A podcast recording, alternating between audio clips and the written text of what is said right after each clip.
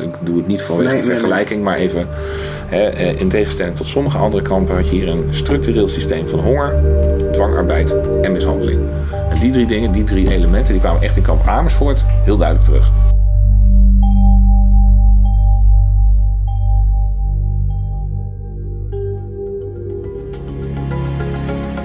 Ik ben Sven, kleinzoon van Frans en Fien Kentin. Toen mijn opa overleed, vond ik een oud ontslagbewijs van concentratiekamp Amersfoort. Opa en oma vertelden wel verhalen over de oorlog, maar over het kamp heeft opa nooit gesproken. In deze podcast zoek ik uit wat er met opa en oma tijdens de oorlog is gebeurd.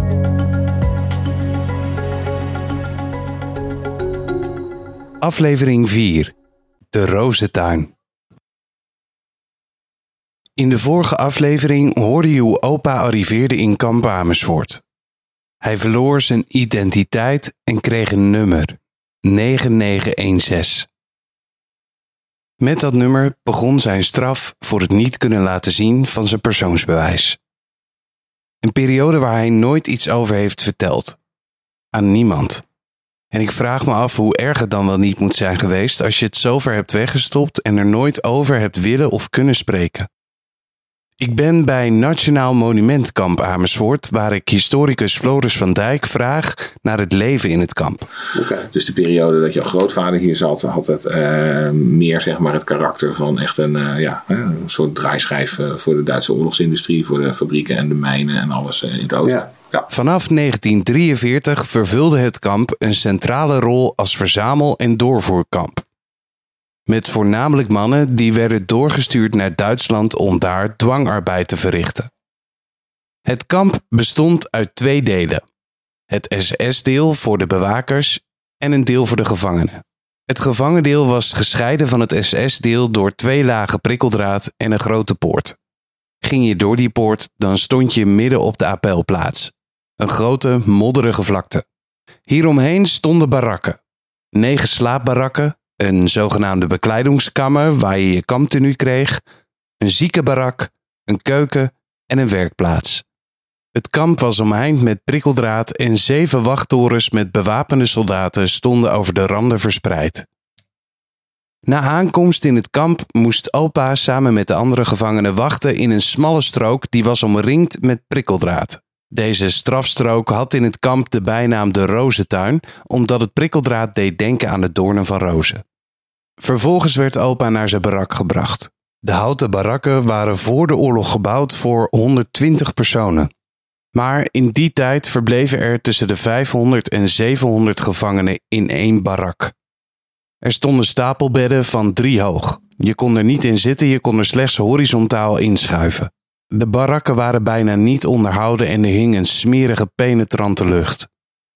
Er waren twee loodsen met wc's, lange planken met gaten erin boven een open riool. Deze slechte voorzieningen zorgden er dan ook voor dat heel veel gevangenen ziek werden van het diarree. En in die omstandigheden begon het leven in het kamp. Het begon met het appel.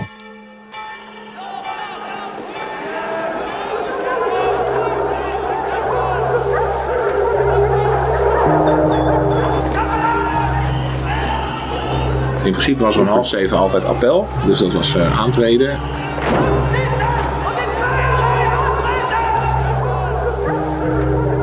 En dan eh, moest je eigenlijk eh, gewoon heel snel je aankleden. En eh, ehm, het eten was hier natuurlijk slecht en weinig. Dus vaak was er dan een, een, een stuk brood of zo. Dat werd dan maar bewaard en dat was dan zogenaamd het ontbijt. En ehm, nou ja, dan was het aantreden geblazen. Die werd geteld. En dat werd natuurlijk oeverloos herhaald vaak.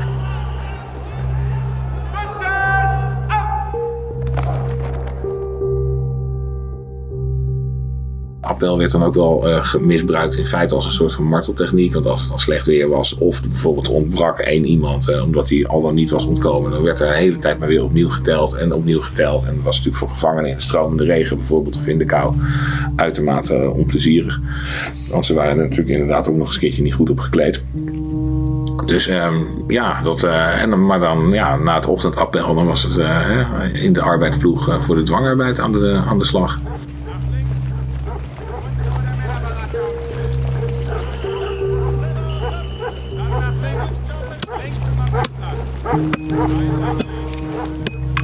Sommige van die ploegen waren uh, bijzonder zwaar. Dus uh, dan had je ook fysiek zwaar graafwerk. Of er was ook een, uh, een, vorm van dwangarbeid. En dat was dan dat je bijvoorbeeld aardappels moest schillen.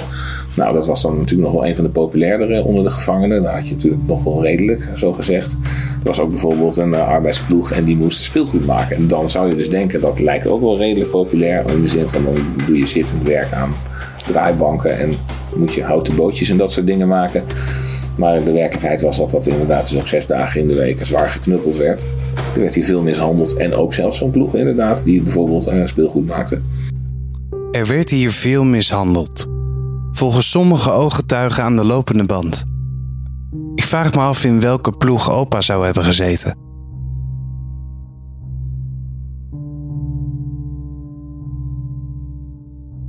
Oma vertelde dat opa in het kamp een maatje had Wijnand Luwema, gevangene 9913.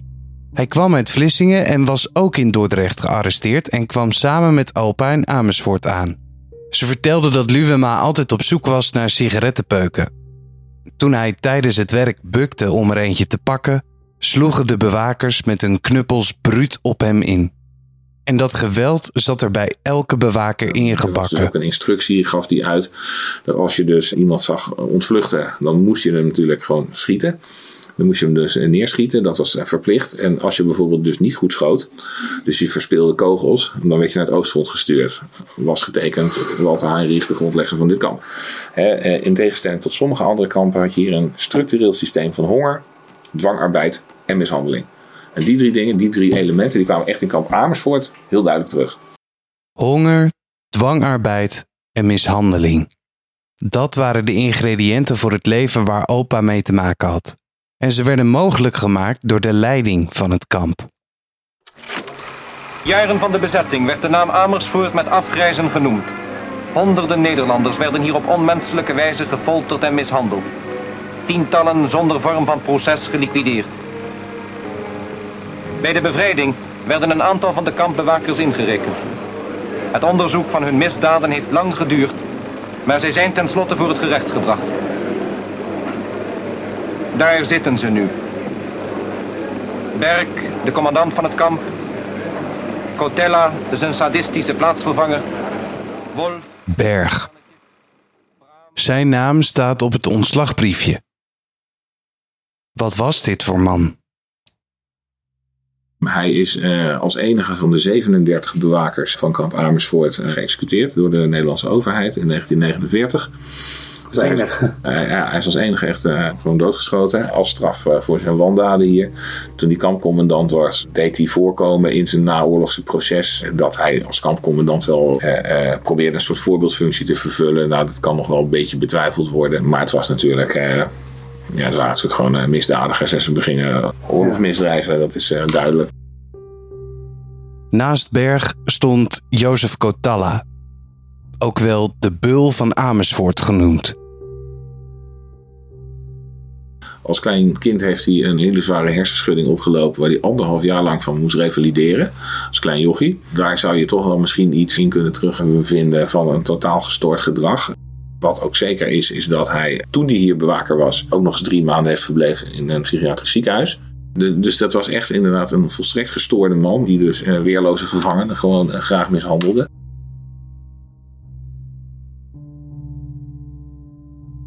Op het nieuwjaarsappel van 1 januari 1945 uh, werd ontdekt dat er iemand ontsnapt was.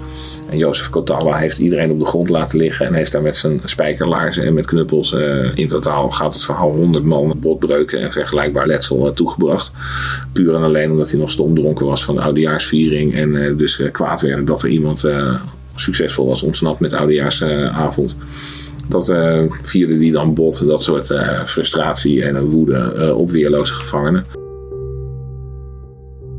Ongetwijfeld zal je vader met hem te maken hebben gehad als gevangene. Sowieso als je hier bewaker was, dan had je dus al een instructie hoe je je diende te gedragen tegen gevangenen. En sommigen die sprongen daar zeer negatief uit. Die, die ja, dat waren gewoon regelrechte sadisten.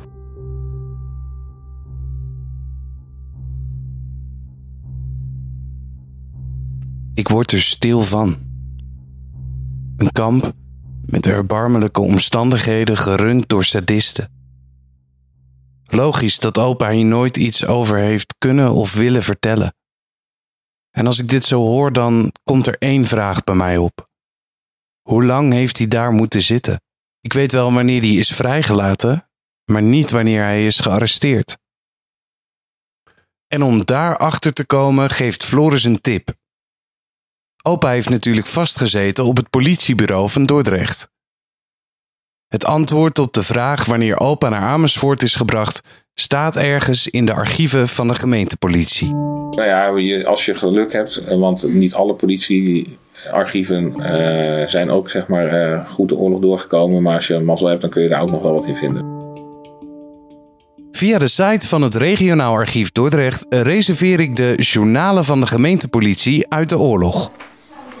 Heb je voorkeur voor wat je als eerste wil inzien? Of zeg je, geef mij er wat? Uh, doe maar de politierapporten. Ja, dat is 148. Uh, uit mijn hoofd, ik heb geen idee. Ja, ik... Uh... Voor me ligt een enorm boek met een bruin gemarmerde kaft. Op de titelpagina staat Journaal van den Politiepost Dordrecht, jaar van aanleg 1944. In het journaal is per dag en tijdstip in bijna onleesbaar krullend handschrift bijgehouden wat er is gemeld op het bureau. Ik blader langs aangiftes van gestolen kippen en boetes die zijn uitgedeeld vanwege het niet verduisteren. Een verdwenen konijn wat na twee dagen is teruggevonden en diverse meldingen van luchtalarm. Bij het verslag van 10 april 1944 zie ik ineens een bekende naam.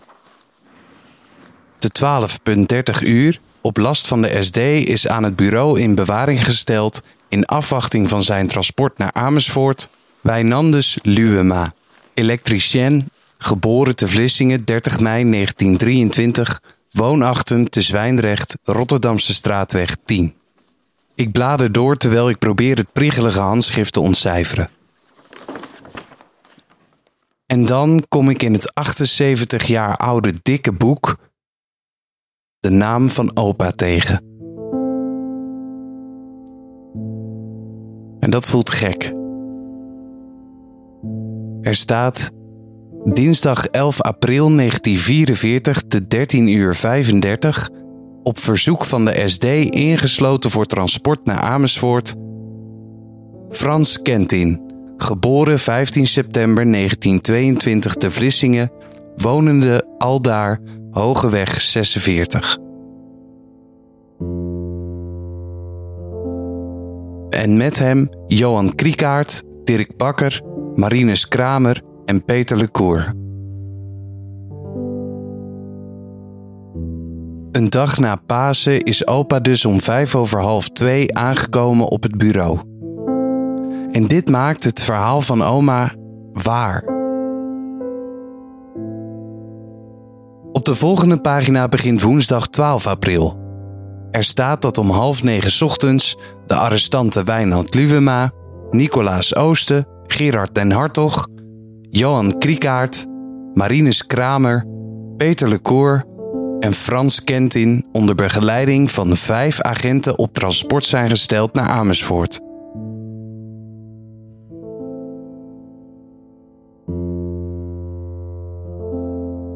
Na het horen van de verhalen van Floris en het lezen over de verschikkingen in het kamp ben ik enigszins gerustgesteld. Vijftien dagen heeft opa in het concentratiekamp gezeten. Vijftien dagen honger, dwangarbeid en mishandeling.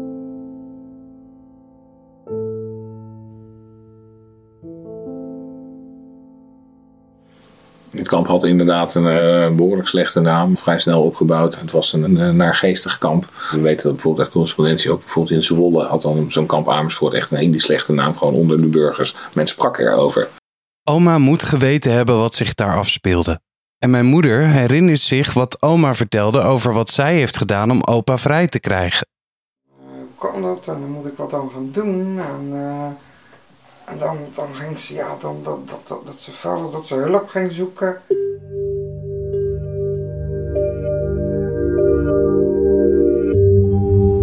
Oma had in de eerste dagen van opa's gevangenschap haar verhaal bij diverse instanties gemeld. Van de ortscommandant in Vlissingen tot de personeelschef van de Schelde waar opa werkte.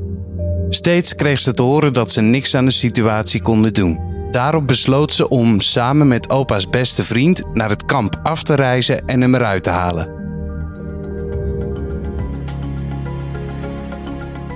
In de volgende aflevering volgen we oma op die reis en leren we meer over de herkomst van het briefje.